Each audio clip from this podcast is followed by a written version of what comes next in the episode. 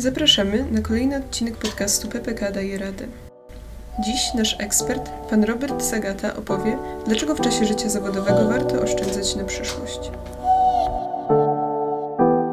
Z tego co ja wiem, a dobro mam pamięć, to z kim nie rozmawiałem 10, 15, 20 lat temu, to wszyscy mówili na emeryturze będę robił to, tamto, wamto, swoje marzenia będą realizowali. No i y, przykra statystyka, ona absolutnie ma pokrycie w statystyce ogólnokrajowej, ale mnie dotknęła w szczególny sposób. Trzech moich bardzo bliskich kolegów, w tym najlepszy przyjaciel, z którym znaliśmy się 40 lat, y, umarli przed 60.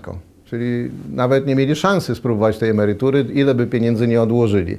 E, Natomiast w tej chwili e, przynajmniej jedna trzecia z tych osób, o których mogę powiedzieć bliscy moi znajomi, e, no to widać, że będą bez środków finansowych, żeby te swoje marzenia, na które 40 lat pracowali, spełnić.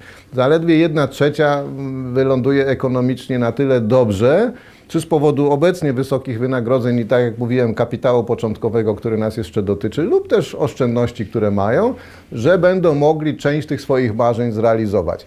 Ja nie chciałbym, bo no, sprowokowała mnie Pani do tych wyznań, do chwalenia się, y, jak mi dobrze. Nie chciałbym, y, żebym y, był źle zrozumiany, ale no nie wszyscy mieli taką karierę zawodową w rozumieniu wysokości dochodów jak ja, więc to ja nie jestem tutaj dobrym przykładem, ale obserwując swoje środowisko, no niestety większość nie będzie mogła sp- spędzić tak swojej starości w sensie emerytalnym, jak e, myślała o tym wcześniej i to jest może smutne, jak pani nazwała. Natomiast no, jeżeli nie chcemy tego, to trzeba e, dużo, dużo wcześniej wykazać się zapobiegliwością i, i tą oszczędnością, wykorzystać systemy. Jeszcze raz podkreślam, i PPK, i PP, i to są okazje, żeby ze złotówki zrobić trochę więcej niż gdybym zaniósł, albo tak jak dzisiaj Polacy trzymają 220 miliardów w gotówce, a ponad pół miliarda przepraszam, pół biliona e, złotych e, na e,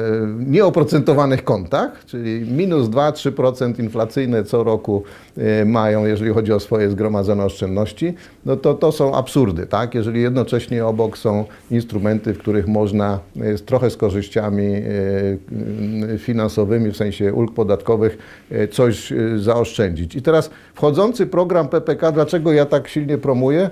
Ponieważ on jest, dotyczy tych ludzi, których na IKE nie było stać. To znaczy tutaj e, te 2% od pensji, nawet jak obliczam konkretnym pracownikom w zakładach pracy, w których jestem, no to to nie są takie pieniądze, żeby ktoś mógł powiedzieć, no ja mam tak mało pensji, że już nie mogę nic odłożyć. Te 2% każdy może, plus pracodawca, plus państwo i nagle się okazuje, że przez 30 lat z tego można coś uzbierać, więc, a to jest program powszechny. On będzie w przyszłości dotyczył 70-80% e, pracowników, którzy dzisiaj z oszczędzania są wykluczeni, bo po prostu nie było ich stać na inne formy oszczędności.